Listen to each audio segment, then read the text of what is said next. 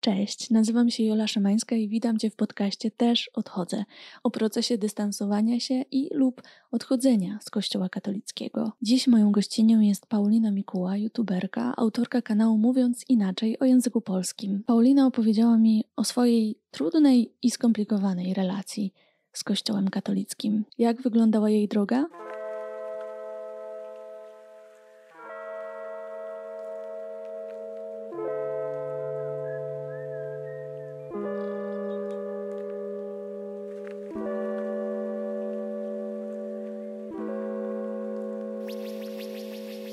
Cześć Paulina. Cześć Jola. To jest, może być zaskakujące, że jesteś moją gościnią e, w podcaście. Też odchodzę o odchodzeniu z kościoła, o procesie odchodzenia z kościoła. Jak ty się czujesz w ogóle z tym, że cię zaprosiłam? Też jestem zaskoczona, tym bardziej, że ja nie do końca odchodzę, ale buntuję się bardziej.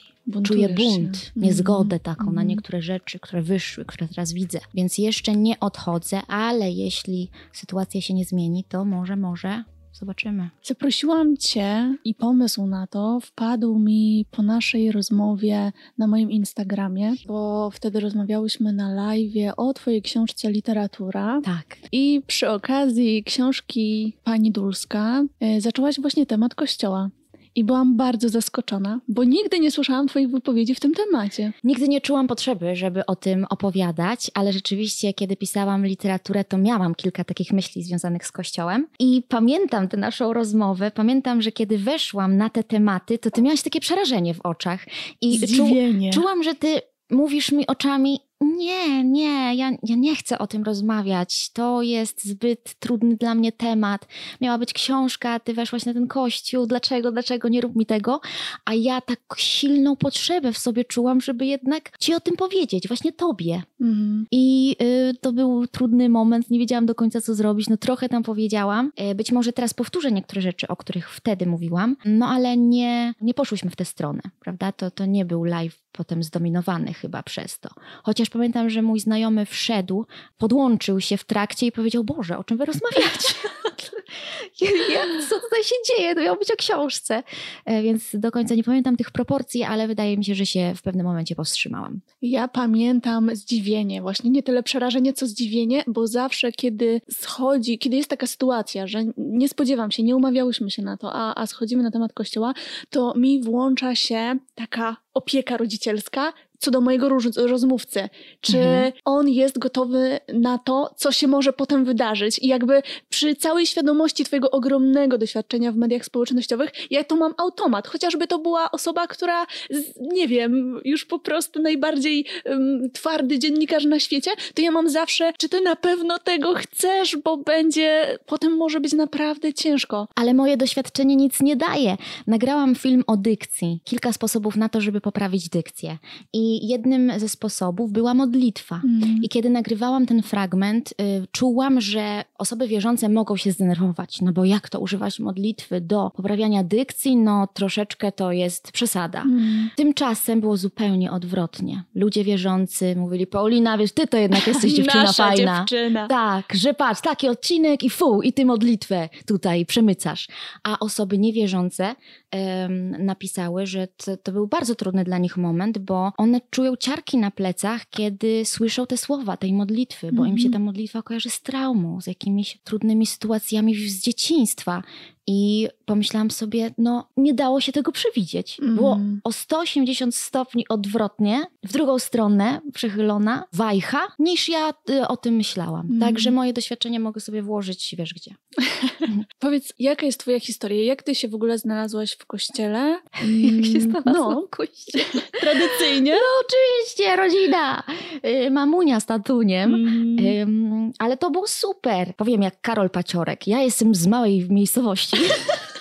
ciągle o tym tak. Rzeczywiście wychowałam się w małej miejscowości i tam ten kościół odgrywał niezwykle ważną rolę. Wyznaczał rytm w ogóle życia, te święta były ważne, ale jak sobie teraz o tym pomyślę, to strasznie mi siebie żal. Jako dziecka, dobrze powiedziałam gramatycznie, strasznie mi siebie żal, kiedy mm. mm. pomyślę sobie o tym, w jakich ja ramach byłam zamknięta, bo nawet ostatnio z moją siostrą rozmawiałyśmy o tym. Ona niestety tego nie pamięta, ale ja pamiętam to dobrze. Tańczymy sobie z moją siostrą na takim stole w domu i nagle ją mówię, Klaudia, jest post! a my tańczymy. Ona mówi, o nie, co my teraz zrobimy? Pobiegłyśmy do taty i mówimy, tatuś, my tańczyłyśmy w post. A on tak, dobra, spoko, nic nie stało, po prostu już więcej nie tańczcie. Ale ja pamiętam, co ja wtedy przeżyłam. To był szok, to był dramat. Jak ja to mogłam zrobić?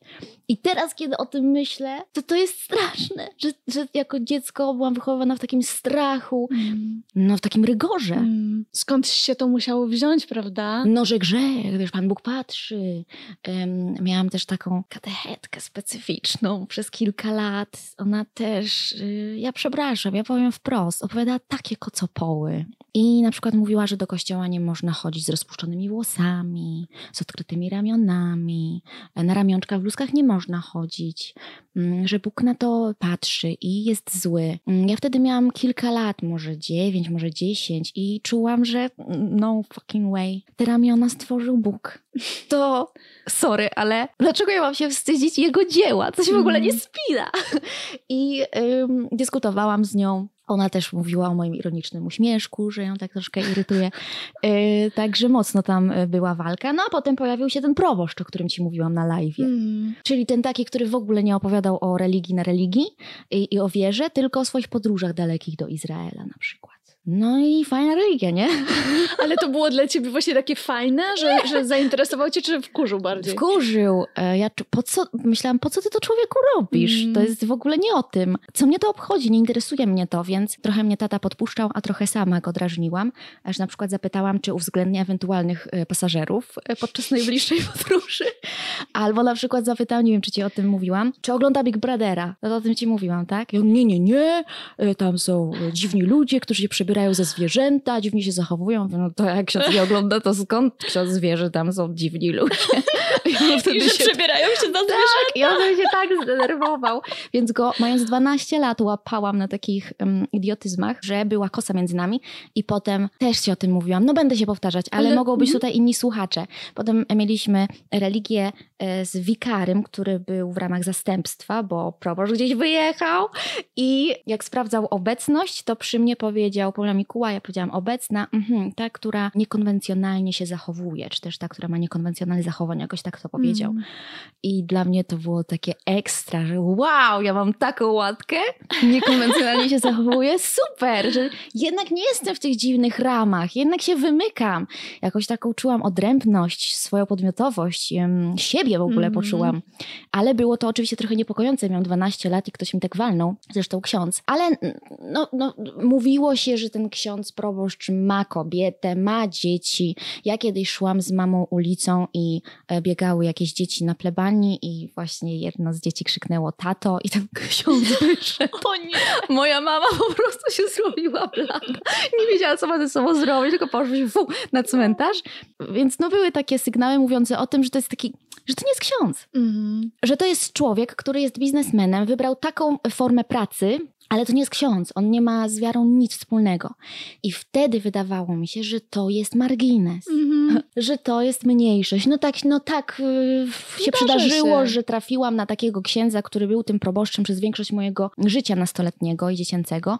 No trudno, tak się złożyło.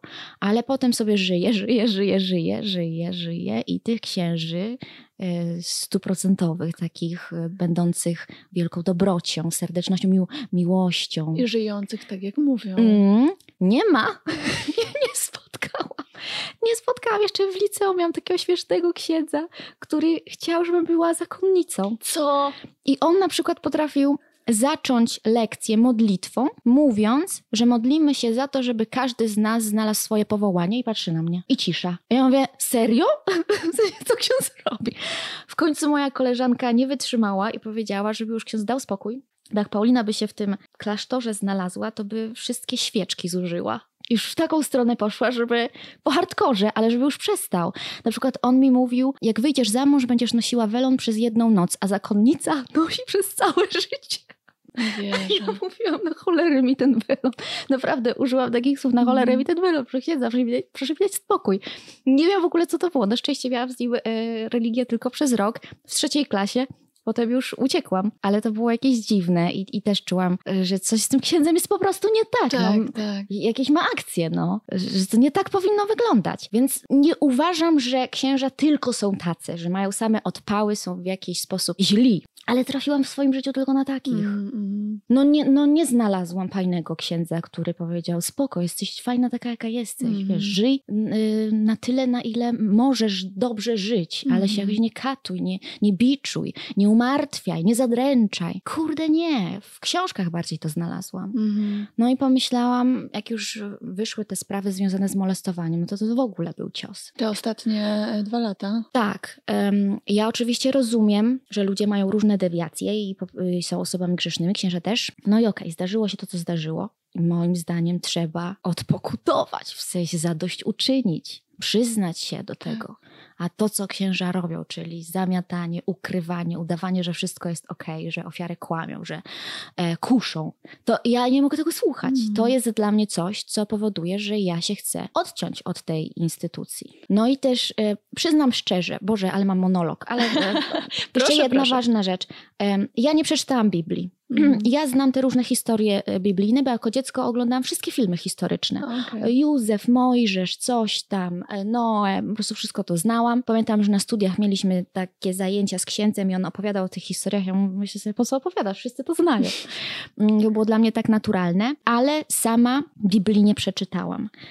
Nawet że- tych fragmentów, nawet we fragmentach, czy, bo tak, że Fragmenty tak, ale od deski to... do deski to nie przeczytałam. E, Dowiedziałam się, że nie da się przeczytać e, Biblii od deski do deski, trzeba sięgać do przepisów, więc to Mhm. nie jest taka łatwa lektura i można trochę oszaleć. Ale na przykład słyszę regularnie, że e, katolicy no trochę poprzeinaczali tę Biblię. Mm. Ja po prostu się boję, że się tak wkurzę, Jak przeczytasz oryginał. przeczytam, że to troszkę jest inaczej, e, że no nie, nie robię tego. Może za jakiś czas przyjdzie taki moment, że powiem, dobra, siadaj, czytaj, zobacz, co tam Mm. naprawdę jest.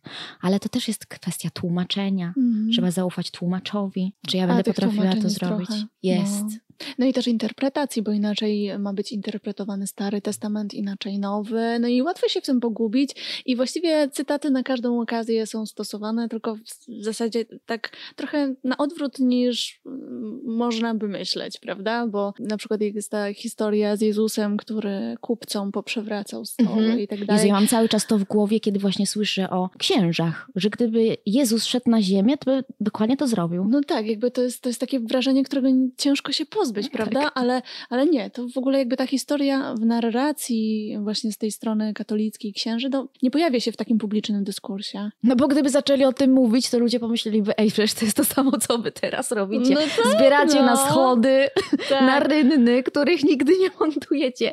Mój proboszcz zbierał na schody jakieś ogromne pieniądze i też chyba ci o tym mówiłam, ale dobra, powiem o tym raz jeszcze, że wyczytywał na mszy, kto ile dał. Mhm. Że na przykład Kowalski nic, Nowak 20, Mikuła 10. Mhm. I ja wtedy jako dziecko tak mnie podpiekało coś. Ja, ja chciałam krzyczeć, przestań to robić, nie rób tego. Też patrzyłam na ludzi, jak wy się czujecie, przecież wy Mhm. jesteście łajani teraz. No po Mhm. prostu jedzie z wami jak nie powiem z czym albo z kim. Nie można tak robić. Trzeba pójść do niego, popukać go w ramię i powiedzieć, proszę księdza, tak się nie robi. To jest Mhm. złe. A ty jesteś w kościele, stoisz przy ołtarzu i robisz coś takiego. Wyczytujesz, kto ci ile dał. Nie rób tego po prostu. Hej. I gdybym była starsza, ja bym chyba to zrobiła. Mm, A nie miałaś takiego nigdy poczucia, że nie, no jeżeli ksiądz to robi, to w takim razie, w takim razie tak może Nie, bo to nie wiem. był ksiądz dla mnie. To był facet w sutannie, Mm. biznesmen. Ja, Mm. y, On miał zamiast serca y, rubrykę zysk strata, zamiast duszy kasę fiskalną. Okej. Mega w ogóle to jest super, co mówisz. W ogóle, w ogóle to jest super, że miałaś taką w sobie. Takie nie, no nie? Ja uważam inaczej. Ja nie, czuję inaczej, nie żeby to cię skąd. bawiło w Mm. pewien sposób, nawet momentami. Bo Ale ja to oddzielałam, wiesz? Dla mnie Mhm. Kościół był ważny. Ja bardzo czułam tę energię w Kościele, modliłam się, wierzyłam, że modlitwa mi pomoże, że mnie zbliży do Boga. I oddzielałam te dwie rzeczy. Dla Mhm. mnie ta moja, ta moja relacja z atmosferą panującą w Kościele to jedno, no a ten ksiądz, który po prostu został tutaj wrzucony z jakich względów, to jest drugie, to jest przypadek, to jest ja, jakiś mój krzyż. Mhm, który mhm. niosę, ale w ogóle mnie nie interesowało, co on tam dziamdzioli. I czego on ode mnie chce. Mhm. Ale czy narracja katolicka na temat tego, co się powinno, co się nie powinno, w ogóle na ciebie nie wpłynęła? Także po prostu zawsze miałaś, nie, ja żyję po swojemu, Bóg to jedno, Kościół to drugie. Zależy o czym była mowa. Jak właśnie słyszałam takie teksty, że rozpuszczone włosy, bu, bu, bu, bluzki na ramionczka, bu, bu, bu, no to uznałam mnie. Przecież kiedy Bóg zszedł na ziemię, to nawet takiej bluzki nie było. Mm. Co. tworzysz? Jakieś teorie. No i właśnie jeśli chodzi o moją cielesność, ciało, no to to jest dzieło Boga, więc ja w ogóle się nie będę tego wstydzić chociaż trochę ciebie teraz szczuję cycem, za co przepraszam, ale przyjmowałam to, że trzeba być dobrym, że trzeba wybaczać, że nie można robić krzywdy, sprawiać przykrości innym ludziom. Nie, nie zgadzałam się na to, że trzeba nieść swój krzyż.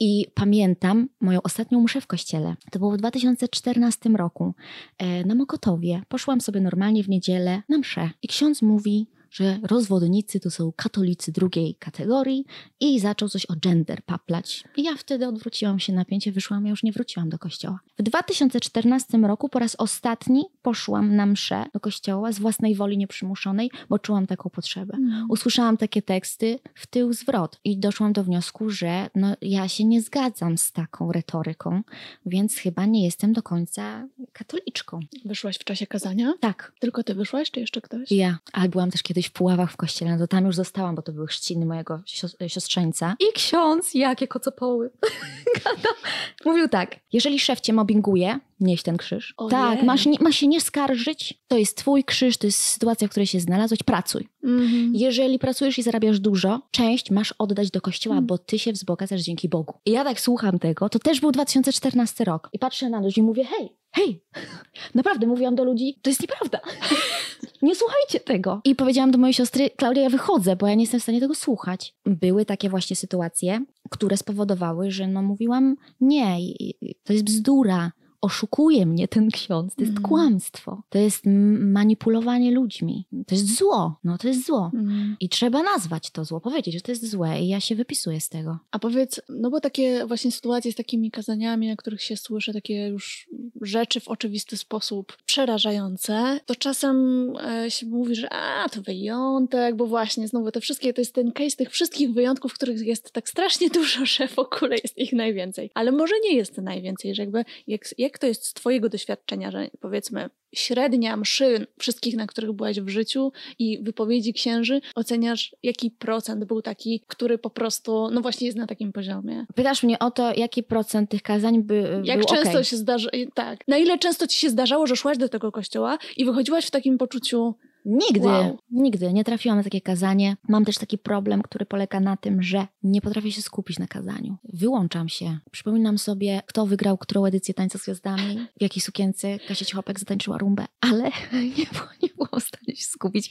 Rozmawiałam o tym z jakimś księdzem, już nie pamiętam jakim. On powiedział, no, no popracuj nad tym, no trzeba się skupiać. No ale nie jestem w stanie. Też chyba to jest jakaś obrona, bo tych kazań już było tak dużo złych, e, że już nie chcę chyba tego mm. przeżywać. Kiedyś też byłam na ślubie mojej koleżanki koleżanki, okropne było to kazanie. Po prostu w ogóle e, zero miłości.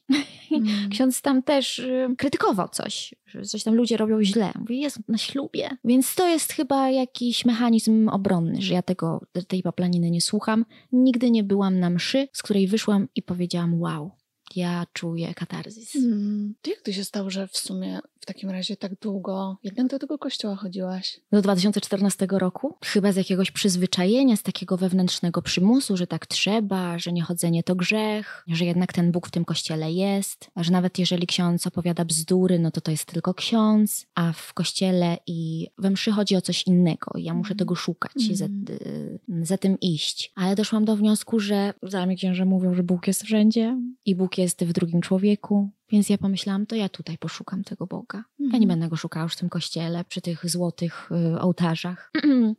Tylko będę sobie szukała w drugim człowieku, w naturze, w, jakiś, jakimś pięknie takim świata, które przecież Pan Bóg stworzył. I poszłam tą drogą. Mhm.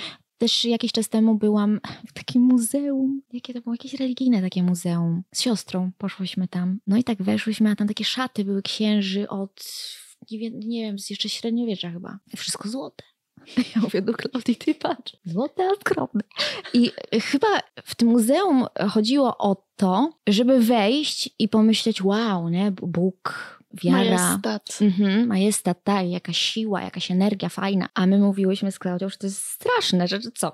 Jezus po prostu jak nauczał, to mówił tak, słuchajcie, jak już stworzycie sobie taką instytucję, taką schierarchizowaną, to musicie koniecznie mieć złotą szatę, żeby waliła po oczach. Musicie Żeby zrobić. było wiadomo, Żeby kto tu rządzi. Tak, żeby było z daleko was widać, jak będziecie nauczać, to żeby wiadomo, kto to mówi, nie? I koniecznie musicie nakładać takie duże czapki, złote, takie wywalone po prostu, takie stożki jak, jakby, też złote. Ewentualnie jakaś purpura, jakaś jak krwista czerwień, żeby ludzie patrzyli na was i mówili, wow, to jest gość, to jest gość, ja go będę słuchać, patrz jaką ma czapkę. No i słuchajcie, i jeszcze jedna rzecz. Pierścienie na każdym palcu, kurde, i niech was w to całują. Tak róbcie. Patrzcie, jak, jaka będzie impreza.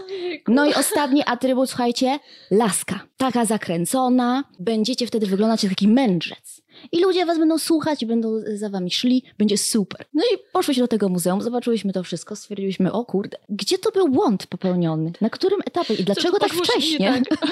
I jak wcześnie to się w ogóle wydarzyło?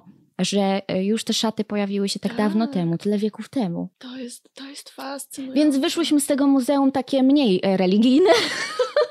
Dałyśmy jakiś tam datek, bo był co łaskę, dodałyśmy na utrzymanie. Uznałyśmy, że dla innych ludzi to będzie ważne, więc niech sobie to muzeum będzie. No ale my mm, poszłyśmy potem po prostu sobie zjeść kartacze i Mhm. tam poczułyśmy większe szczęście. A powiedz, jakby spotkałaś się, z jakimi reakcjami się w ogóle spotkałaś, jak przestałaś chodzić do kościoła? Czy to w ogóle jakoś mówiłaś, oznajmiałaś? Nie, nie, tylko ja chodzę, żeby mam, mamy nie wkurzać. Ja o tym mówiłam. Jak jesteś w domu rodzinnym. Tak. I na przykład kiedyś kupowałam buty, takie kozaki za kolano i nagrałam takie stories, na którym pytałam ludzi, ej, do kościoła to y, się nada? Czy powiedzą, o, przyjechała z Warszawy w takich butach, wyuzdanych po prostu, co jej się zrobiło w tej Warszawie z głową. I ludzie pomyśleli na tej podstawie, że ja chodzę do tego kościoła. Mm. A ja właśnie chciałam pokazać ten absurd, że Tak. się chodzi, m, żeby, Żeby się pokazać. żeby się pokazać, ale też y, trzeba tak to zrobić, żeby jednak nie zdenerwować innych, żeby nie gadali. No i ten strój jest taki ważny. Ym, W takim też klimacie byłam wychowana. Pamiętam, że jak mama mi kupowała nowe buty, lakierki, to pozwalała mi w nich chodzić tylko do kościoła. I kiedyś wyszłam w nich na podwórko i dostałam lanie za to. Wow. Od taty, co prawda, nie od mamy, ale to było tak zorganizowane, że wzięłaś te buty, które są do kościoła. Najśmieszniejsze jest to, że ja w nich byłam może pięć razy, bo mi noga urosła przez miesiąc. Bo to było lato. Mam wrażenie, że na wakacje dzieci szybciej rosną. Mm. Urosła mi noga, były za małe i moja mama oddała te e, lakierki córce swojej koleżanki z pracy. I kiedyś ja poszłam do e, tej dziewczynki się pobawić i zobaczyłam, jak ona biega w tych lakierkach po podwórku. Wszystko jest już oberwane, stopa jej się nie mieści, więc nie zamyka ich na zamek. Mhm. I tak biega. I sobie pomyślałam, to są moje buty. Co wtedy czułaś jako dziewczynka? No ja nie wiedziałam, że moja mama komuś je oddała. Mm, Po prostu w pewnym momencie zobaczyłam, że ma je ktoś inny. Kto nie chodzi w nich do kościoła?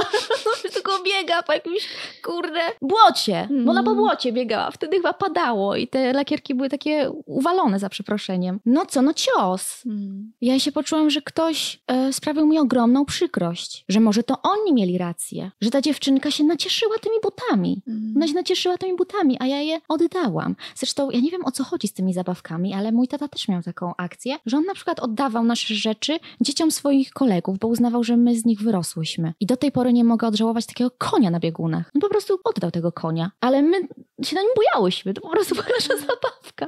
Tylko jemu coś odwaliło, że tam to dziecko jest młodsze, więc y, do niego bardziej pasuje. No i tak samo było chyba z tymi lakierkami. Bo przecież mogłam je mieć, żeby sobie stały. Tak, chociażby. Ja, ja wiem, że to jest Żeby trochę. pamiątkę. Ja wiem, że to jest trochę głupie, no bo inne dziecko miało radość, ale ja miałam wtedy z 5 lat Mm. i mogłam je chcieć zachować. Bo one Mhm. były śliczne, naprawdę, na tamte lata. Różowe z takimi kokardkami. Kurczę, w życiu nie widziałam już takich butów ładnych. Więc jakaś jest trauma i, i związana z kościołem. No w jakiś sposób tak, no bo e, też z jakiegoś powodu twoi rodzice tak myśleli o tych butach, nie? I z jakiegoś powodu właśnie do kościoła miałaś nich chodzić, a nie, nie wiem, do babci, czy nawet całą niedzielę niedzielę, Tak. czy cały weekend. Tak, nie, musiałam je zdjąć zaraz po kościele. Moja mama do dziś tak ma, Jezu, ona mnie zabije za to, co o niej mówi, ale taka jest prawda, że jak kupi sobie coś nowego, no to najpierw do kościoła chodzi. Mhm. Może już teraz to jej się zmieniło, ale jeszcze kilka lat temu tak miała. Mhm. Najpierw to jest kościółkowe, potem jak już kilka lat pochodzę do kościoła w tym, to potem mogę na co dzień. Mhm. I ja nie mam żalu o to do rodziców, bo mnie jest ich szkoda. Mhm. Oni byli bardzo zamknięci w tych właśnie ramach, ograniczeniach, schematach. Jest mi ich bardzo żal. A e, wiedzą, że chodzisz do kościoła, kiedy u nich jesteś tylko dla nich? E, Znaczy, mój tata nie żyje, a moja mama, ona już wie, że mnie nie po drodze z kościołem, Mhm. mówiłam jej o tym. E, Chyba to zaakceptowała, jest to dla niej trudne i martwi się o nas, że po prostu nie wiadomo, jak my skończymy. Okej. E, Ale nie awanturuje się, przyjmuje to. Podczas pandemii ona sobie słucha mszy w online, no to my sobie wtedy jesteśmy w drugim pokoju, ona sobie zapala świeczkę. Wszyscy to jest takie urocze. Jak trzeba wstać, to wstaje, jak trzeba klękać, to klęczy. Chociaż nie, chyba nie klęczy. Ale jak trzeba wstać, to wstaje. I ja, ja to szanuję, ja uważam, że to jest dla niej ważne, jej potrzebne Mhm. i niech tak robi, ale ja jestem w innym pokoju. A gdyby trzeba było iść na mszę teraz, to pewnie bym poszła, ale tak z takiej ciekawości, jak to będzie wyglądało. Może trochę towarzysko, kogo zobaczę, a nie po to, żeby tam em, doznać jakichś metafizycznych Mhm. rzeczy. Ten podcast nie mógłby powstać bez wsparcia moich matronek i patronów w serwisie Patronite. Dlatego każdy odcinek jest dla nich dostępny z tygodniowym wyprzedzeniem. Jeżeli tylko chcesz wesprzeć moją pracę i poznać innych ludzi, którym na niej zależy, możesz do nich dołączyć na patronite.pl/jola Szymanska. Zapraszam. Zdarzyło Wam się rozmawiać właśnie o, tych, y, o tym, co się dzieje w kościele, o aferach pedofilskich Tak, i tak dalej. I... Tak. Ona też oglądała filmy e, braci Sekielskich. No, przeżywała, wiadomo. To nie jest tak, że moja mama tego nie przyjmuje, odpiera. Jest tak ślepo, ślepo zapatrzona, nie mogę tak powiedzieć. Jest taka Krytyczne, krytyczne. zacietrzewiona, Mhm. w sensie okopana, że tego nie przyjmuje. No nie, nie jest tak. Mhm, Ona mhm. przyjmuje. A co ty czułaś e, po obejrzeniu filmu? Obrzydzenie. To było obrzydliwe. Zarówno jeśli chodzi o to, co księża zrobili, jak i to, jak się zachowali potem. Obrzydliwe. Ja bym chyba zwymiotowała, naprawdę, gdybym miała do czynienia tak, w, gdybym stanęła twarzą w twarz z tymi księżmi. Zwymiotowałabym. To było okropne. Pamiętam, ostatnio widziałam właśnie, e, też przygotowując się do w ogóle rozmów do podcastu, to e, przejrzałam sobie jakieś stare posty, różne tam e, publikacje moje, nie moje, tak ogólnie co się działo w tym temacie przez mm, ostatnie kilkanaście miesięcy. I właśnie przypomniały mi się te słowa jednego biskupa, nie wiem czy to był Głódź, czy ktoś właśnie z Gdańska, biskup, który powiedział dziennikarce TVN-u, że on byle czego nie ogląda Mhm. Tak. Pamiętasz to? Jakby To jest szokujące, że zobacz, ty, która zawsze byłaś osobą z tego, co mówisz, bardzo krytyczną, e, rozsądnie myślącą, słuchającą przede wszystkim tego, co masz w sobie, nie? Tego e, swojego, swojego głosu, a nie tylko tego, co inni ci mówią. Widzisz to i jest to dla ciebie jasne, ale jest ogromna rzesza ludzi, którzy tak jak ten biskup, nie? Powiedzą, Mhm. nie oglądam byle czego. I to jest, to jest dla mnie e, szokujące. No cóż mogę powiedzieć? To jest ko- kopią grup pod sobą, w sensie taki dołek. Mm. Jak e, oni tak mówią, jak ja to słyszę, to mówię, sami sobie robicie krzywdę. Mm. Mówcie tak dalej. Tak. Mówcie tak dalej, tak się zachowujcie, odpierajcie, lekceważcie, ignorujcie. Tak, tak róbcie. Rozmawiałyśmy o, y, o pani Dulskiej, o tym utworze, właśnie a propos twojej książki, e, bo y, w felietonie, w twojej książce na temat pani Dulskiej jest właśnie y, mowa o tym, że dla ciebie pewnym przykładem dulszczyzny e, jest właśnie ta y, hipokryzja w kościele. Możesz o tym opowiedzieć? No, ja zostałam co prawda sprostowana, bo chodziło mi o to, że kilku moich znajomych nie dostało rozgrzeszenia za to, że mieszkają bez ślubu ze swoimi partnerami, partnerkami. I ja wtedy jeszcze chodziłam do kościoła, oni przychodzili do mnie i pytali, dlaczego, dlaczego, dlaczego. Ja mówię, kurde, nie wiem. Trzeba było zapytać tego księdza. I co oni mają teraz zrobić? I ja powiem szczerze, yy, może to było złe, co zrobiłam, ale mojej znajomej powiedziałam, ty no nie mów następnym razem idź do innego spowiednika i nie mów, czy mieszkasz z kimś, nie mieszkasz, nie wiem. Potem powiedz, że kłamałam i następnej grzech, to niech będziesz kłamał. Y, I na zero wyjdziesz. tak zaczęłam. logicznie. Tak, tak zaczęłam kombinować. Ale po przeczytaniu Dulskiej, powtórnym, bo y, wróciłam po prostu do tej lektury, doszłam do wniosku, że aha, a może to jest tak, że seks bez ślubu jest mniejszym grzechem, bo za seks księża cię rozgrzeszą, tylko za to mieszkanie nie. Dlatego, że seksu nie widać, a mieszkanie widać. E, więc grzech jest większy, jak jest widoczny. Czyli taka trochę hipokryzja. I wtedy moje słowa zostały sprostowane, bo ktoś wytłumaczył, że e, rzeczywiście jest tak, e, że mieszkanie razem widać, ale chodzi właśnie o to, że się gorszy innych, mm. czyli ten grzech jest widoczny i można też nakłaniać innych do popełnienia tego grzechu. I y, dlatego ten grzech jest większy i nie można dać rozgrzeszenia, jeśli się mieszka bez y, ślubu. No i okej, okay, szczerze powiedziawszy. Przekonujecie to? Nie, nie, to jest. To jest dziwne, dlatego że, a jeśli mieszkam ze swoim y, narzeczonym, ale mówię mu, ej, do ślubu nie uprawiamy seksu, no to jest grzech czy nie? No właśnie są dwie szkoły, nie? Tak, tak. i potem wtedy. zaczęłam czytać, że są mhm. dwie szkoły, e, że jedna mówi, że to nie jest grzech, Dominikanie na przykład tak mówią, mhm. zwłaszcza jeśli na przykład będziemy spać w oddzielnych łóżkach, no a druga szkoła mówi, że, że jest to grzech.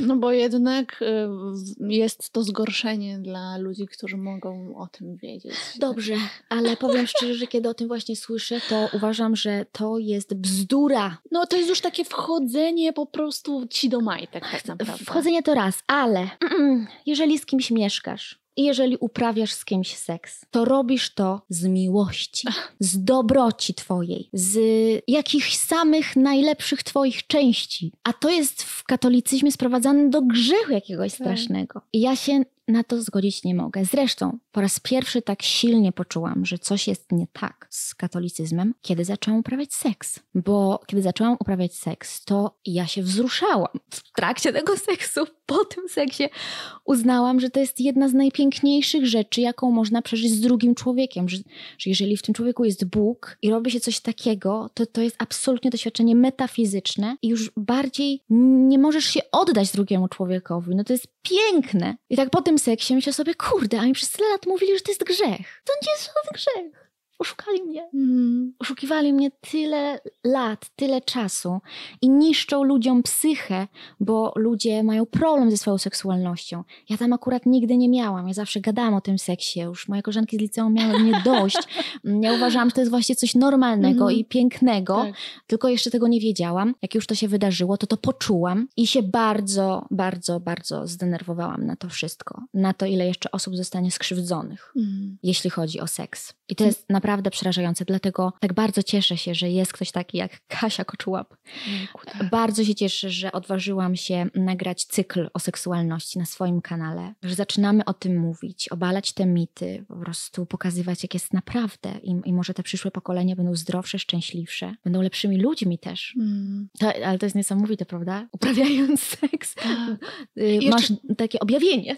Tak, i to, tak, tak, to jest raz. I dwa, to tworzenie takiego takiej alternatywnej rzeczywistości w twojej głowie, takiego przeświadczenia, no bo narracja jest taka, że owszem, ten seks jest piękny, wspaniały, cudowny, jest metafizycznym doświadczeniem, jest, ci więcej, modlitwą, ale ale po ślubie, bo przed ślubem to jest grzech, w ogóle jesteś nikim, tracisz dziewictwo, tracisz swój skarb, swój jesteś szklanką. kwiat, który Kwiatuszek. tylko jeden raz możesz tak, stracić, tak, tak. prawda? Mój Boże, ja jestem w związku ośmioletnim i pamiętam, jak w 2013 roku kłóciłam się z moim partnerem na temat ślubu.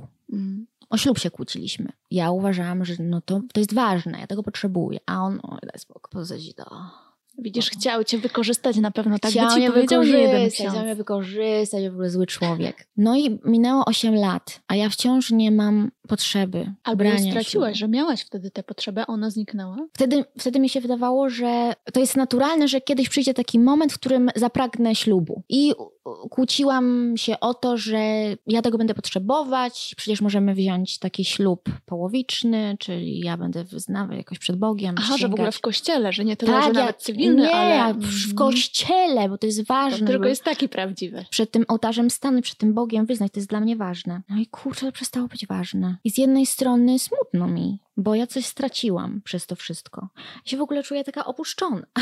Kiedyś był ten kościół, no to wiesz, jak trwogo to do Boga, zawsze sobie, zawsze poszłam do tego kościoła, pomodliłam się nawet bez mszy, tylko tak do budynku i szukałam jakiejś otuchy. Uważałam, że w tym kościele ten Bóg jest po prostu, że może usłyszy bardziej te, te moje prośby, moje modlitwy, moje wołania w kościele. No a teraz ja już nie pójdę do kościoła, więc coś straciłam i teraz muszę szukać Boga gdzie indziej, zakładając, że On w ogóle jest, bo tu też mam pewnego rodzaju wątpliwości. No raczej to nie jest dziadek z brodą i z laską i z czapką i z pierścieniami, ale mam nadzieję, że coś jednak jest. Co to jest to, co straciłaś? Jak, jak byś to y, nazwała? No jakoś taką podporę. Niektórzy mają to u rodziców, że wiedzą, że zawsze mogą tam wrócić, znaleźć pocieszenie, ukojenie, jakieś słowa otuchy. No ja to miałam trochę w kościele, no a teraz tego nie mam, więc Trochę tak, jak ktoś by mi wyjął jedną ścianę z domu. Podobnie się czułam, jak właśnie umarł mój tata. Ja miałam wtedy poczucie, że ktoś wyjął frontową ścianę z mojego domu i tak każdy do tego domu przychodzi, coś chce. W ogóle e, byli ludzie, którzy mówili, że coś tu mamy źle, tu mamy poprzestawiać,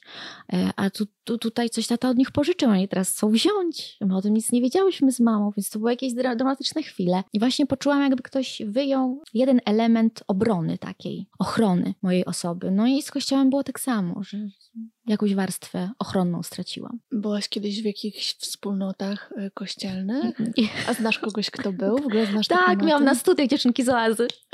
I dla nich to było wszystko takie proste. Chodzę sobie z chłopcem, potem biorę ślub, potem jest seks, potem są dzieci. I ja im mówiłam, mówiłam, Agata, jak ja ci zazdroszczę, bo ty żyjesz w takim prostym układzie. Mm. Wszystko jest... Y, Jasne. I jeszcze masz narzeczonego z tej oazy no to po prostu on, on też wszystko rozumie, jedziecie na tym samym wózku, patrzycie w tym samym kierunku, no ideolko. Ona też mówiła, tak, tak, ja też tak czuję. Ale no mnie nigdy do jakiejś oazy nie ciągnęło, ja bym się strasznie z tego śmiała. No i nasi księża tego nie robili, no przecież ten proboszcz był zarobiony w wyjazdzie, on z jakimiś dziećmi jeździł. Mm, jakiś tam probo, wikary próbował coś, ale ja nie chodziłam. E, no i wik, e, wik, wikary? Wikariusze. Wikariusze. Często tak. się zmieniali. Tam byli co dwa lata, więc nawet y, jeden jeden nie zdążył poznać wszystkich i mm, rozeznać się w temacie i już musiał odejść. Więc po prostu nie, nie, nie mieliśmy takiej mhm. wspólnoty. Mm. Powiedziałaś o Dominikanach. Dominikanie są często podawani jako przykład właśnie te, tych e, zakonników, którzy są tacy, no w cudzysłowie fajni, no nie? Można tak. to bardziej... No ojciec szóstek to tak, no taki ma wizerunek właśnie takiego fajnego. Mm, myślisz, że gdybyś, e, nie wiem, mieszkała w Warszawie albo w jakimś dużym mieście, wychowała się właśnie przy jakiejś dominikańskiej, dajmy na to parafii, to, e, to byłoby inaczej? Tak, chyba tak. Mogłabym być w jakiejś wspólnocie, śpiewać coś, z różańcem biegać. No na pewno byłoby inaczej. Na wsiach to jest inna trochę sytuacja. Tam prym wiodą starsze osoby, a dzieci, no to tak jak mama każe, to tak dziecko zrobi, a nie było tak, że e, priorytetem była młodzież, mam mhm. wrażenie. W tym wszystkim, e, o czym mówiłaś, mm, zastanawiam się, jak ty rozumiałaś, jak dzisiaj rozumiesz wiarę. Rozumiem, że wcześniej też byłaś bardziej przekonana co do tego konceptu, że Bóg jednak istnieje. Tak. E, I Kościół był jakimś tam po prostu takim dodatkiem, który trzeba trochę znieść. Ale jak wyglądało Twoje właśnie to wyobrażenie Boga, podejście do Niego i jak to na Ciebie wpływało? Skąd w ogóle wzięłaś obraz Boga? No, z tych filmów historycznych. Bardziej Bóg był dla mnie głosem, jakimś okiem, jakimś trochę jak w Królu Lwie, ten ojciec, jak się pojawił na niebie. Mufasa. Tak, Mufasa rozmawiał z synem, żeby tam wracał. To trochę tak sobie wyobrażałam dawniej. Teraz bardziej jako jakoś, ale powiem szczerze, że właśnie jak się o tym gada, to to tak nie ma sensu. Mm. Jest takie... jak to sprowadzamy do konkretu, to jasne to, to tak nie ma sensu, no ale Kościół broni się tym, że rozum nie pomaga wierze, że mm. trzeba nie zaufać. rozumieć za bardzo, ale wierzyć, zaufać. No dobra, no ja, ja po prostu jestem otwarta na różne rozwiązania. Mm, ja tutaj mm, nie upieram się, że coś jest albo czegoś nie ma. Umrę, zobaczę. Zobaczymy, wtedy się przekonamy. Tak, no umrę, zobaczę. Mam głębokie poczucie, że istnieje coś takiego jak dusza. O tym opowiadałam w jakimś ostatnim wywiadzie, którego udzieliłam. On się jeszcze nie ukazał. E, długo nic na ten temat nie mówiłam, bo się wstydziłam, ale e, chyba przyszedł czas, że mogę o tym mówić. Właśnie jak umarł e, mój tata, to my z mamą czułyśmy takie silne pole magnetyczne. Po prostu tak nam piszczało w uszach, że aż mrużyłyśmy oczy. Ja po prostu miałam wrażenie, że jestem w jakiejś próżni takiej dziwnej. No i właśnie po potem mój tata zmarł nagle w łazience. Jak go znalazłyśmy, no to okazało się, że jest jak jest, ale był taki moment, kiedy jeszcze nie wiedziałyśmy, że on nie żyje, a obie właśnie czułyśmy coś takiego, jakoś, no właśnie oddziaływanie. I e, doszłyśmy do wniosku, że to mogła być po prostu dusza. Że tata umarł i po prostu jego dusza przyszła do nas, chcąc powiedzieć, chyba mi się kurde umarło. Moją mamę też rozbolał ząb strasznie, tak jakby nerw jej reagował na to pole. No po prostu totalna metafizyka. Jak o tym opowiadałam najbliższym, no to tak właśnie, wiesz, nikt za bardzo nie wierzył, co się wam wydawało. Gdybym tylko ja tak miała, mama by tak nie miała, to bym uznała, że no okej, okay, ja mam różne dziwne sny, ja odbieram rzeczywistość nieco inaczej, więc może coś dostrzegłam, a może tylko mózg mój to zrodził. Ale miałyśmy to samo wrażenie obie. I mhm. dla mnie to jest jednak duże świadectwo tego, mm. że nie jest tak, że mm, człowiek umiera i nicość mhm, przychodzi. Mm. Nie ma nic. Mhm. Coś się dzieje. A co, ty myślisz o śmierci? Boisz się jej? Nie. Yy, to znaczy, ja się już nie mogę doczekać. Wow. nie mogę się doczekać. Uważam, że coś fajnego tam jest. Mm, ja mam też dziadków yy, po drugiej stronie, których nigdy nie znałam i nie mogę się doczekać, aż ich poznam. Oni byli prawdopodobnie super, wszyscy ich we wsi lubili i moja mama też dobrze wspomina swoje dzieciństwo, mm, więc czuję taką niesprawiedliwość, że ich nie poznałam.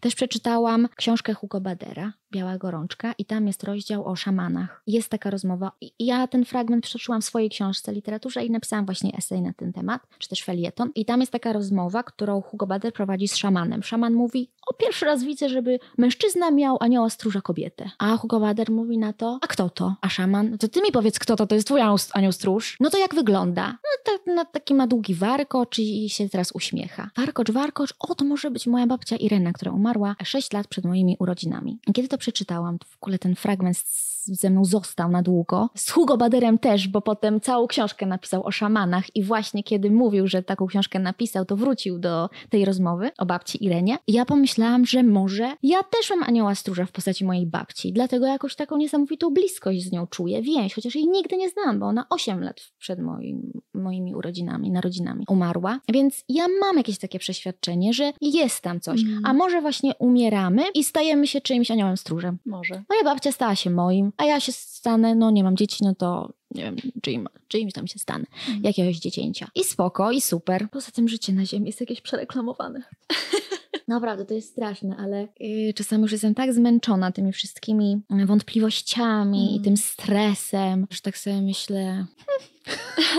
jest coś dalej. Jest coś jest... dalej, w sumie y, jestem otwarta na mhm, poznanie mm -hmm, tego, mm -hmm. co tam jest. No. A jeżeli nie jest? No to, yy, no to to już będzie poza mną, w sensie, mm. no mhm. to nic, no to nic. Ja też e, opowiem o takiej smutnej historii związanej z moim życiem. Moja mama chodziła do Warszawy do średniej szkoły i ja przez długi czas nie mogłam zrozumieć, dlaczego ona wróciła na wieś. No i tam poznałam mojego tatę, no i już dalszą część znamy. No i moja mama zawsze mówiła, ale przecież gdybym została w Warszawie, to was by nie było. A my tak z siostrą, no i co? W ogóle nam to e, by nie przeszkadzało. Mamy wywalone. No i oczywiście moja terapeutka, kiedy o tym usłyszała, to powiedziała, że mówię tak, jakbym nie widziała wartości w swoim życiu. No i myślę sobie, może nie widzę. Może, może naprawdę nie ma w nim wartości. W sensie nie do końca też wiem, jaką wartość ma moje życie. Nie wiem. Mm. Jola, może ty wiesz.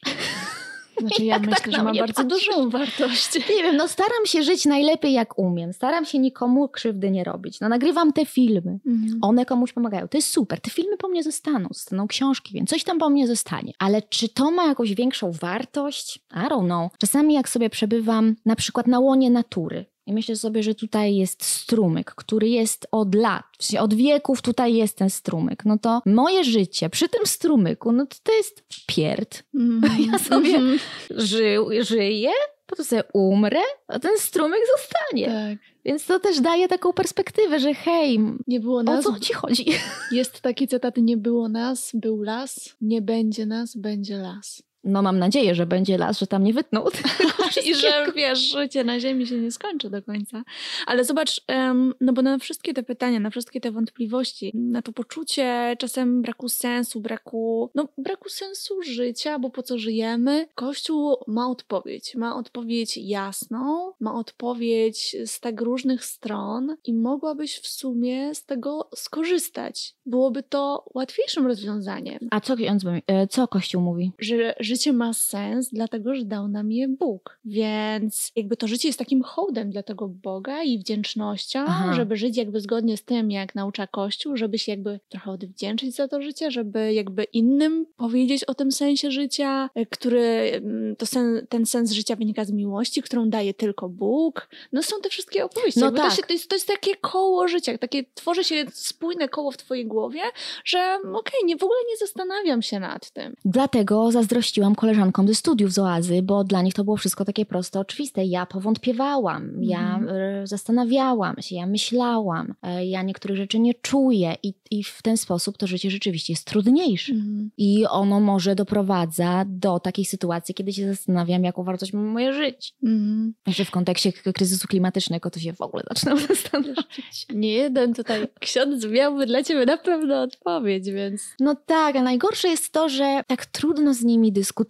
bo Mhm. tu nie ma jak, nie ma argumentów. Ostatnio, no wczoraj oglądałam tę rozmowę Karola Paciorka z ojcem Szóstakiem, jeszcze e, została mi e, godzina, więc półtorej godziny mam za sobą. No to ten ojciec Szóstak tak naprawdę pięknie opowiada o No, retorycznie jest mistrzem. co on prawda? wierzy, jak on postrzega życie, Mhm. śmierć. Chyba tak, chyba o życiu jakoś tak bardzo opowiadał. I co I ja tak czułam, czułam i mówię, kurde, ja tego nie czuję. W sensie, to są jakieś farmazony. W sensie, ja przyjmuję, że on życie, tak, tak? ma, ja tego nie podważam, ale dla mnie to jest jakiś bełkot, no po Mhm. prostu w ogóle tego nie czuję. I niestety to powoduje, że mnie jest w życiu gorzej niż jemu. No bo on ma jakąś Tak, teorię na ten To temat, prawda. wyobraził sobie, po co był Jezus, o co mu chodziło, jak wygląda Odpowiedział Bóg. sobie? Śmierć, Jest. życie. Mhm. Mm. No a ja nie wiem do końca, e, po co to wszystko i jaki ma sens moje życie, i mnie jest po prostu trudniej. Czyli jakby, bo niektórzy mówią, że mają te wątpliwości, oni nie, nie znają tutaj odpowiedzi i oni tych odpowiedzi nie chcą znać, bo nie wierzą w to, że są możliwe proste odpowiedzi i wolą zadawać ciągle pytania niż znać odpowiedź. Ale tobie z tym brakiem odpowiedzi jest ciężko Tak. wolałabyś te odpowiedzi znać, No tak? chyba tak, jest takie racjonalne, ale to jest niemożliwe, bo Mhm. e, nie da się znaleźć racjonalnej odpowiedzi. Trzeba zaufać, uwierzyć, trzeba poczuć. No Mhm. przecież wiara to jest łaska. Albo ją masz, albo jej nie masz. Mhm. Ja ją trochę miałam, a teraz gdzieś zatraciłam, jak poznałam więcej danych. Mhm. I uznaję, że albo ona przyjdzie jeszcze, coś się w moim życiu takiego wydarzy, że poczuję, mm? albo to się nie wydarzy. No i, no i trudno. Mnie jest też łatwiej z tego względu, że ja nie mam dzieci. Mhm. Jakbym miała dzieci, to bym czuła odpowiedzialność za nie. To bym może też bardziej tego Boga czuła, no bo to jednak cud. Mhm. Że coś wyszło z mojego ciała i tak jest, rośnie, je. Myśli, pyta. Nie mam tych dzieci, nie doświadczyłam tego cudu. Raczej jestem skupiona właśnie na sobie, na tym, co w mojej głowie, na tym, jakie mam problemy, jakie zawirowania, jak mi jest ciężko czasem ze sobą, bo mnie jest najciężej ze sobą, ze swoją głową, ze swoimi myślami. No, Kościół często proponuje, że właśnie myśl o innych, a nie o sobie. No. Nie, nie skupiaj się na sobie, e, Tak. tylko po prostu rób wszystko dla innych. No a terapia mówi inaczej. A ja Mhm. jestem po siedmiu latach terapii i Mhm. tak mm, skupiam się na sobie jednak, żeby zrozumieć, o co mi chodzi w życiu. Przypomniał mi się e, taki cytat, bo mówisz, że może kiedyś poczujesz, że jest taki cytat, że Bóg to nie dezodorant, żeby go czuć. Czyli no to potwierdza jakby to, co mówiłeś mi, nie? że chodzi o to, żeby zaufać. Kto, kto jest autorem tych światłych Ja to myśli? słyszałam wielokrotnie. Słuchaj, jestem w ogóle skarbnicą takich złotych myśli, bo to latami osłuchałam się na Wow. tyle dobrze, także słuchaj, zadaj pytanie na jakikolwiek temat z tym związany, to powiem ci wszystkie możliwe interpretacje. Powiedz mi, a co ty myślisz o apostazji? Bo mówisz, że y, mimo wszystko nie, nie do końca jakby tak chcesz się odcinać. Chociażby Tak, bo może właśnie, mm, czek, y, może ten kościół się zmieni, to jest po pierwsze. O, masz nadzieję. No, nie. Wow, nie masz? W sensie mam jakąś tam nadzieję, ale ty nie masz? Nie masz. No to ja mam jakąś nadzieję, że, ale mam ochotę teraz użyć wulgaryzmu, ale nie Możesz, zrobię tego. Nie, bo ja nigdy tego nie robię, więc użyję lżejszego. Ja mam nadzieję, że to pieprznie, że to się rozsypie i że to będzie zbudowane na nowo. Mhm. Tak jak na przykład w. Irlandii. Okej. że zabiorą pieniądze, zabiorą to złoto, pozabierają, rozdadzą biednym, a Kościół y, zostanie sam ze sobą, ze swoją wiarą, przekonaniami, założeniami, dogmatami i zbuduje się na nowo, bliżej właśnie Z człowieka. pięknymi słowami. A poszłabyś kiedyś, e, gdyby w Polsce e, jakieś kościoły zamieniono na kluby na drinka ze mną? Ja nie piję alkoholu, Okej. ale nie wiem, bo jednak czułabym takie może, że Tak. spadnie mi coś na głowę. Mhm. Bałabym się to może. jednak święty budynek. No, ale mm, ktoś kiedyś poszedł nie wiedząc, że to był kościół. Więc może tak y, się uda. Nie wiem, nie wiem, nie potrafię ci odpowiedzieć na to pytanie. Ale nie jest tak, że nie wiem, nie chcesz robić apostazji, bo się boisz, bo wtedy to już kara piekielna. Bardziej to jest takie, że po prostu A można masz wrócić? nadzieję. Po To apostazji jest można. dobre pytanie. Mam też kilku znajomych, którzy chcieli zmienić wyznanie na protestantyzm. Mhm. No bo tam jest tak luźniej, cześć bracie, cześć siostro, zaśpiewamy, klaskamy. Troszkę tam jest y, inna. Mhm. Inne to wyznanie. I też właśnie okazało się, że to nie jest taka prosta sprawa, bo żeby oni cię przyjęli, to musisz pochodzić, y, być częścią tej Tak, społeczności. tak, tak. bo No też- bo oni wiedzą, ja też właśnie ze strony tej protestanckiej, oni dobrze wiedzą, że dla, dla wielu katolików byłoby takie pójście trochę, że jakby Na z braku laku pójdźmy A. do tych protestantów. Tak. No i właśnie ci moi znajomi y, powiedzieli, o to nie. To nie, No. nie będzie mnie. Apostazja to jest gruba sprawa, taka mam wrażenie, że to Mhm. jest całkowite już odcięcie się, a ja jednak tę metafizykę, to czucie w sobie mam, Mhm. e, więc mnie bardzo mierzi instytucja Kościoła, to co oni zrobili z Biblią, to co oni zrobili z ludźmi, z ich głowami, to jak bardzo są nastawieni na zysk, na bogacenie się. Ja się na to nie godzę, ale nie odcinam się właśnie od całości, no. Po Mhm. prostu nie jestem w stanie na tym etapie mojego życia odciąć się od wszystkiego, co się wiąże z religią. Z religią, bo z katolicyzmem to chyba, chyba nie. Z chrześcijaństwem. Nie jestem w Mhm. stanie się odciąć od tego, co związane z chrześcijaństwem. Katolicyzm mnie wkurzył. Ja się nie Mhm. czuję katoliczką. Dobra, to na koniec, na koniec, Już koniec? tak, Wow. na koniec y, chciałam y, się ciebie zapytać o kilka rzeczy, które często, może się spotkałaś, może nie, ale często słyszy się, że jeżeli zdystansujesz się do kościoła, przestaniesz chodzić do kościoła, nie Mhm. musisz właśnie dokonywać tej apostazji, ale jeżeli odpuścisz, to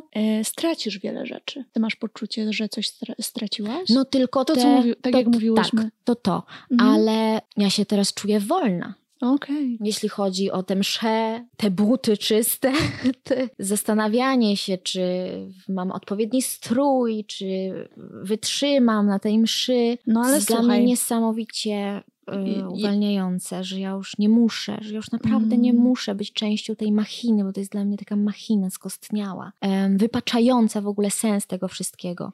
Ja czuję wolność, tak jak wspomniałam na samym początku. Jak myślę o sobie małej, to czuję żal, że ja bym to dziecko przytuliła i powiedziała, nie przejmuj się tak. Po prostu jesteś dobrym dzieckiem. Wszystko z tobą jest w porządku.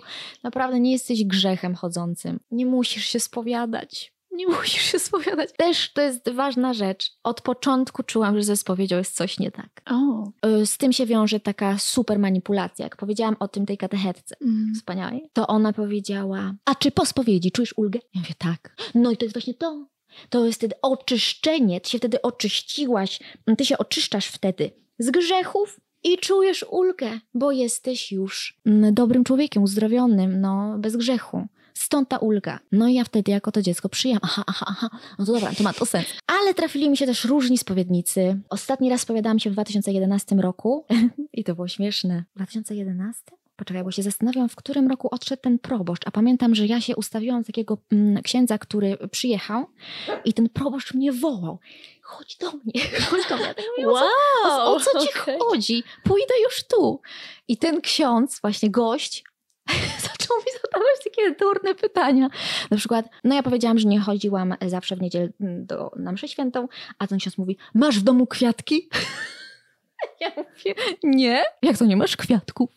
Ja mówię, nie mam kwiatków, nie umiem sobie zajmować kwiatkami, wszystko Mm. schnie. I on stracił w ogóle, wiesz, temat do rozmowy, bo on chciał mi powiedzieć, że tak jak podlewasz kwiatki w domu, tak musisz chodzić na mszę i podlewać swoją wiarę. Tak. A ja mu, ja nie mam kwiatków, bo mnie wszystko schnie. I on po prostu Cóż za metafora, Tak, słuchaj. i on po prostu zamilkł i nie wiedział, co ma ze sobą zrobić. Dał mi jakąś straszną reprymendę, Mm. e, już bez metafor. Na koniec jakąś drobną pokutę. Jak wyszłam z tego konfesjonału, to zrozumiałam, że aha, ten proboszcz mnie wołał, że wiesz, chodź do mnie, O. bo tamten ci będzie coś suszył głowę. No ale nie posłuchałam. E, I wtedy chyba byłam po raz ostatni e, u spowiedzi. Mm. I po prostu czułam, że to, to taki żal i to było takie głupie. I ta ulga, o której mi mówiła katechetka, nie wynikała z tego, że ja się pozbyłam grzechów, tylko wynikała z tego, że mam za sobą tę żenującą sytuację. Tak. I w ogóle, że się czasem, że się człowiek tak wygadał i wyrzucił coś, co myślał, że jest właśnie tym grzechem, no nie? Nie. Się no czuje ty- taki o, załatwiony. Już nie muszę się przejmować, że na przykład coś zrobiłem, nawet komuś krzywdę. Już nie muszę nic załatwić. Tak, to by było za proste po pierwsze, a po drugie czułam, że właśnie to jest takie oszustwo, że ja zostałam oszukana, że, Mhm. że to uczucie mm, zostało wyjaśnione w zupełnie inny sposób niż rzeczywisty. A, i jeszcze po czasie zrozumiałam, że mm, spowiedź dzieci to też jest przeginka. Mhm. Że, że Chcesz powiedzieć, na przykład mogę cię zapytać o to, o co, jakie grzechy pamiętasz, że się spowiadałaś jako Oczywiście, ja miałam 10, e, przez 10 lat te same grzechy. Mhm. E, Było tak, ostatnio spowiadałam się, e, bo kto odmówiła następującymi grzechami, obraziłam Pana Boga. Kłamałam, przeklinałam, nie słuchałam się rodziców, sprawiałam przykrość innym, nie chodziłam w niedzielę do kościoła. Dziękuję. Więcej grzechów nie pamiętam, za wszystkie serdecznie ża- e, żałuję i Mhm, poprawę mhm. obiecuję. E, A Ciebie Ojcze Duchowny, proszę naukę, pokutę i rozgrzeszenie i koniec. I e, zrozumiałam też po latach, że to nie ma sensu. Ty masz ciągle te same grzechy. Mhm. Nie wyspowiadałam się z seksu, bo uważam, że to nie jest grzech. Mhm. I czułam, że to jest życie, a nie grzechy. Tak. Ja jestem człowiekiem, a nie robotem, więc ja mogę mieć dziwne myśli, mogę komuś czegoś zazdrościć, nie będę z tego spowiadać, bo to jest życie. Najważniejsze jest to, co my z tymi emocjami robimy. Czy za zazdrością idzie komentarz, y, ale jesteś gruba, Tak. czy jednak mówię, kurde, zazdroszczę jej tej figury, no i trudno, no i zazdroszczę. Fajna dziewczyna, nienawidzę jej, ale to jest mój problem, a nie jej. Tak. Tak? I na tym polega życie. A Kościół kazałby mi się wyspowiadać z tych wszystkich myśli, Tak. e, grze, grzeszę myślą. Kurde, nie grzeszę myślą. Nie ma czegoś takiego jak grzech. W ogóle grzesze nie myślą. Myśl to jest też coś, czego nie kontrolujesz, no po prostu myślisz, nie? Tak, tak, tak. O to właśnie chodzi. I nad tym ja teraz pracuję. Ja w ogóle nie potrafię, no dobra, już teraz jest lepiej, ale jakiś czas temu nie potrafiłam zaakceptować w sobie tego, że jest we mnie ta ciemniejsza strona. Mhm. że ja kogoś mogę nie lubić, coś mnie może irytować, zazdroszczę, jakaś też zawiść jest we mnie, to właśnie było związane z grzechem, z czymś, co jest złe, mm, z czym powinnam walczyć. I to jest najlepsza droga do tego, żeby się bardzo katować, i biczować i siebie nie lubić. I religia w to cię wpycha, tak? Mhm. No dobra, nie religia, tylko katolicyzm w to cię wpycha. Czy czujesz się sama wepchnięta jakby przez to, w to przez religię? Tak, Mhm. uważam, że tak, no bo religia, Boże, nie religia, bo też o to ludzie mają wielką pretensję. Pamiętasz, ja cię pytałam o to, jak y, używałam zamiennie katolicyzm z religia i ludzie zaczęli pisać, to nie jest żadna religia, to jest wyznanie. No to już bawienie w słówka, no ale to jest takie bawienie w słówka dlatego, że ktoś mówi krytycznie, prawda? Tak, ale zauważyłaś, jak y, ludzie, którzy wyznają inne wyznania, mają problem z katolicyzmem? Jak, W jakim sensie? że katolicyzm wypacza, że się właśnie tak panoszy, Tak, że się jest uważa za najważniejsze. najważniejsze. Tak, tak. Y, Ludzie mają z tym kłopot Tak. i mają pretensje, dlatego dostałam tam po głowie za to, że e, równałam, Ró- e, Ogólnie, zrównywałam jedną z drugim. ogólnie chrześcijaństwo jest religią, tak? Więc Tak. jeżeli ktoś się już chce bawić e, w słówka i właśnie być tak, taki ultra poprawny językowo, bo rozumiem, Mhm. że o to chodzi, no to mówimy o chrześcijaństwie, którego jedną z odnóg jest Kościół katolicki Tak. i katolicyzm, więc jest Tak. to skrót myślowy, myślę. No, Jest to właśnie. skrót myślowy, my wiemy, dlaczego tak mówiłyśmy i nie chodziło nam e, w żadnym stopniu o to, żeby wywyższyć katolicyzm, tylko tak się jakoś przyjęło, ale ja Oczywiście. też przyjęłam te emocje tych ludzi, więc Mhm. jakoś tak zaczęłam się Mhm. pilnować, chociaż mm, kilka razy walnęłam pewnie teraz religia. W każdym razie mm, katolicyzm mówił, że to wszystko jest grzech. Ja dzięki terapii zrozumiałam, że to nie jest grzech, to jest natura ludzka i trzeba to zaakceptować, przyjąć, tylko najważniejsze jest to, czy właśnie za tymi emocjami idą e, działania. Jeśli nie idą, zachowujesz to dla siebie, jakoś pracujesz nad tym, wszystko jest w najlepszym początku, porządku, jesteś dobrym człowiekiem, nie czynisz nikomu krzywdy, yy, pójdziesz do nieba. Mhm. Nie mówiłyśmy o tym teraz, mówiłaś o tym na live, ale teraz mi się właśnie przypomniało, e, jak e, rozmawiałaś ze znajomym Jezu, tak. a propos tych grzechów, czy coś jest grzechem, czy nie jest grzechem. Jakby i on ci powiedział, jeżeli nie będzie tych przykazań, które mówią nam, co jest dobre, a co złe, nie będzie religii, to skąd człowiek bez religii, bez, Tak. bez katolicyzmu już tutaj konkretnie, będzie wiedział, co jest dobre, a co złe. Powiem ci, że zszokowało mnie to, że ktoś tak jakby uwłaczający ludzkości w sobie argument wy, y, wyciąga. I ktoś naprawdę wierzy w to, że my, czy, że ktoś czyni dobrze tylko dlatego, że jest religia. To jest ta osoba chyba bardzo nie wierzy w ludzi wierzących, bo ja wierzę w to, że osoby wierzące robią dobre rzeczy nie tylko dlatego, że są wierzące. Znam przecież etyka jest jakby odnogą filozofii absolutnie niezwiązaną z religią i, i, i wręcz osoby niewierzące w takiej interpretacji są bardziej bezinteresowne w swoich dobrych czynach, prawda? Bo oni nie robią to dla nagrody w niebie. No, no, Jola. Yy, tak, tak. Yy, to Mariusz Czygio właśnie o tym pisał, że Czesi się z nas śmieją, że my jesteśmy dobrzy nie dlatego, że chcemy czynić dobro, tylko dlatego, że boimy się kary, mm-hmm. że pójdziemy do piekła. I to jest takie głupie i bez sensu. No na pewno yy, bardzo dużo osób tak ma że tylko dlatego nie czynią zła, bo się boją z, ze strachu, e, się pilnują. No właśnie ta rozmowa była bardzo trudna, bo to um, osoba z rodziny, e, z którą właśnie zaczęłam rozmawiać o tym, że no ja nie czuję potrzeby chodzenia do kościoła, bo uważam, że to nie jest jedyna droga do tego, żeby być dobrym człowiekiem. Mm. No a, a co jeszcze? Ja mówię, no kurde, mamy kodeks karny, który mówi, co jest... I co jest w tym kodeksie? Co jest w tym kodeksie? No, różne rzeczy, Kore... których Kościół nie przestrzega na przykład. E, punkt pierwszy, paragraf pierwszy. E, czytam treść. I nie było w ogóle gadki z tym człowiekiem. Wszystko mi odbijał i właśnie jak zaczęłam mówić o moich doświadczeniach z księżmi i opowiedziałam o tej historii z proboszczem, który bawił się z dziećmi na plebanii, mm, no to powiedziałam e, do mojej mamy, mamo, no przecież byłyśmy świadkami świadkiniami tej sytuacji, więc yy, nie oszukuję. E, no i moja mama oczywiście speszona, bo ona nigdy nie wie, jak się zachować w takiej sytuacji. I wtedy ta osoba powiedziała, ty nie szczuj mamy. Co? Nie szczuj mamy. I ja wtedy się bardzo znerwowałam, bo ja wiem, jak było, a tutaj druga strona odbija mi to i jeszcze mówi, że ja mamę wciągam tak. w jakieś y, dziwne historię i wtedy mm, złamał mi się głos. Ja się um, trzęsłam, zaczęłam trząść. I ta osoba mi wtedy powiedziała: idź do lustra i zobacz, jak ty wyglądasz. Kumasz? Czyli zasugerowała, że szatan przeze mnie przemawia. Idź do lustra i zobacz, jak ty wyglądasz. To jest... I to, był, to była tak trudna rozmowa, E, i tak trudna sytuacja. Na szczęście zaraz rozeszliśmy się. Bardzo, to było bierno agresywne. I ja na swojej terapii oczywiście omówiłam tę sytuację i y, uznałyśmy, że najlepszym rozwiązaniem jest nie wchodzenie mimo wszystko. Nie wchodzenie w te dyskusje, bo to jest taki człowiek, który nigdy nie przyzna racji, oczywiście. zawsze będzie odbijał i to właśnie w taki bierno-agresywny sposób. Tak. Taki, że nie będzie można tego odbić racjonalnie. Mhm. No bo co tekst, idź do lustra i zobacz, jak ty wyglądasz, co ty nie, możesz straszne, z tym zrobić. Straszne po prostu. Więc przeżyłam to bardzo i kiedy czytałam książkę Szczygła y, o tym, jak właśnie Czesi nas postrzegają, nas widzą, to byłam cały czas emocjonalnie w tamtym momencie i przy tamtej rozmowie i, i ten mój felieton był, był o tym. I pisząc ten felieton, to właśnie tak płakałam, takie mm. łzy mi leciały wielkie na ten komputer. Mm, bo było mi po prostu przykro, że tak zostałam zaatakowana, dlatego że mnie nie chodzi o to, żeby wszyscy ludzie przestali chodzić do kościoła i myśleli dokładnie tak jak mm. ja. Niech sobie ludzie chodzą do kościoła nawet codziennie, modlą się, jedzą, bawią się, spędzają czas z księżmi, e, po prostu na klęczkach chodzą, ale niech nie zmuszają mnie do tego samego. Tak. Po prostu róbmy swoje, róbmy tak, jak czujemy i żyjmy sobie w zgodzie. Mm. Trzeba się pięknie różnić, no, a nie potrafimy tego. I to mnie jakoś boli. Mm. To była książka Zróbmy sobie raj szczegółowo, tak, prawda? Tak, mhm. um, Dobra, no to na koniec właśnie tak jak Czy też zrób sobie raj? Zrób sobie raj, o właśnie, e, bardzo praktyczne. Mm. Kilka właśnie tych rzeczy, które według wielu e, księży stracisz odchodząc z kościoła. Pierwsza rzecz, stracisz przyjaciół, bo poza kościołem nie ma takich wrażliwych, dobrych, opiekuńczych e, wspólnot, grup osób, osób w ogóle, ludzi. Matko Boska, czy ty to słyszysz?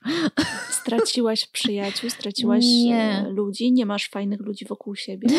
nie, jest wprost przeciwnie. Jest wprost przeciwnie.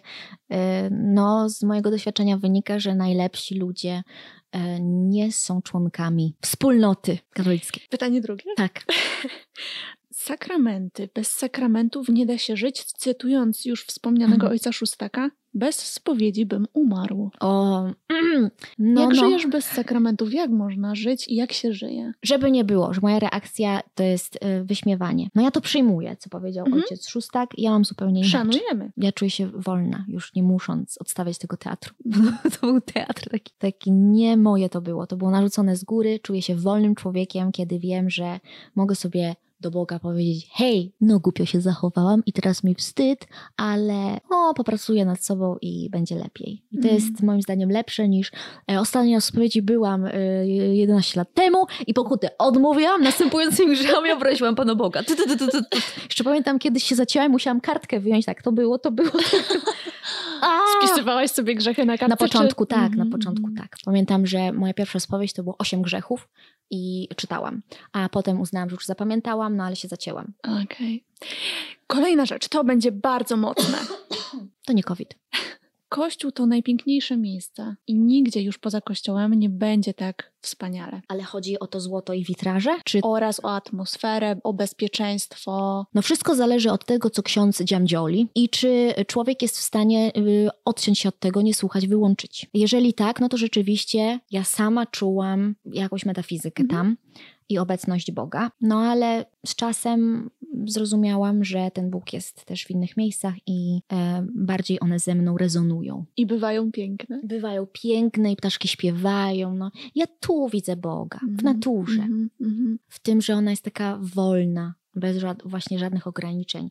Jest dobra. I na koniec jest takie ostrzeżenie, że kiedy odejdziesz od kościoła, a dla wielu mimo wszystko jest to równe z odejściem od Boga, no bo jeżeli odchodzisz od kościoła, to znaczy, że nigdy tak naprawdę nie wierzyłaś i tak dalej. Też się to... nad tym zastanawiałam, słuchając Mhm. rozmowy, że może ja nigdy nie wierzyłam, ale naprawdę kiedyś to było dla mnie ważne i takie kojące, dodające otuchy i no, no, no tańczymy w post. Jakie to były Tak, emocje. to, tak, to, to było tak. część mnie. To nie, to nie brzmiało, jakbyś mówiła tylko o rytuałach, ale też, że, Nie, że właśnie one były takim trochę koniecznością, dlatego że wierzysz, że Bóg jest. Tak, tak. Więc y, nie mogę się zgodzić z tym, że nigdy tak naprawdę nie wierzyłam. Mhm. Nie, po prostu coś się takiego stało, że już tej wiary przy mnie nie ma, no, ze mną nie ma. No ale właśnie jest, jest to ostrzeżenie, że jeżeli odejdziesz z kościoła, to spotka cię pustka i jakby będziesz żył z tą pustką do końca życia. Żyjesz z pustką?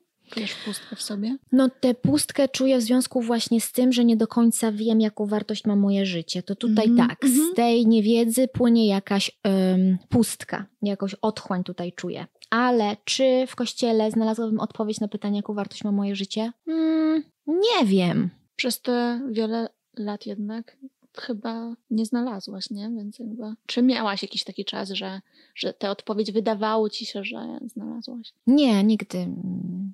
Znaczy ja jako dziecko chciałam robić rzeczy wielkie. Tak kiedyś Ania Przybylska powiedziała w Jadzie. Ja chciałam robić rzeczy wielkie.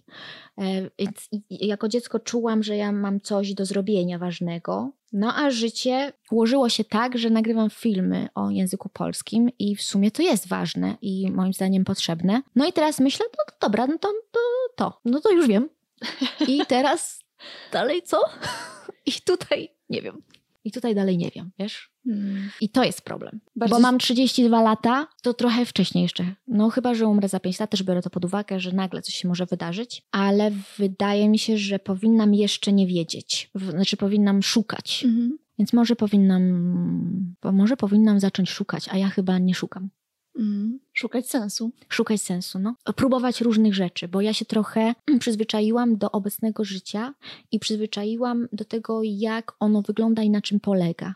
I chyba boję się próbować nowych rzeczy. No i tutaj wchodzi oczywiście temat hejtu i reakcji ludzi. Boję się, Mhm. że to będzie porażka, że ktoś powie, e, ja nie taką Paulinę polubiłem, polubiłam. No bo, bo czegoś się boję. Ale może właśnie gdybym e, działała na tej zasadzie, że jedno już jest rozkręcone, sprawdzone, idę dalej, szukam, e, rozwijam siebie, e, sprawdzam, testuję, to może też e, dzisiaj byłabym w innym miejscu i z innym samopoczuciem. Bardzo Ci życzę tego, żebyś znalazła albo dała sobie prawo do tych właśnie poszukiwań i do próbowania nowych rzeczy, które jakoś tak dodadzą Ci nowych celów, e, nowych barw i w ogóle sensu we wszystkim. No dziękuję. Oczywiście tutaj wchodzi temat, nie czuję się wystarczająco kompetentna, ale y, walczymy, walczymy. Walczymy. Dokładnie.